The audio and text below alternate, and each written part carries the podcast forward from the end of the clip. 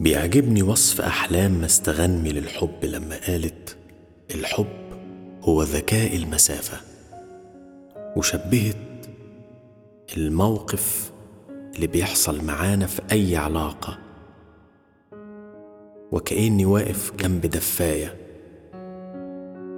لازم أحافظ على المسافة بيني وبينها. مقربش جامد عشان ما اتحرقش. وما بعدش قوي. عشان ما بردش وأفضل محافظ على اشتعالها ووجودها.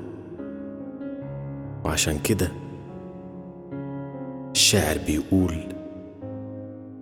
إذا المرء لا يرعاك إلا تكلفا فدعه ولا تكثر عليه التاسفا.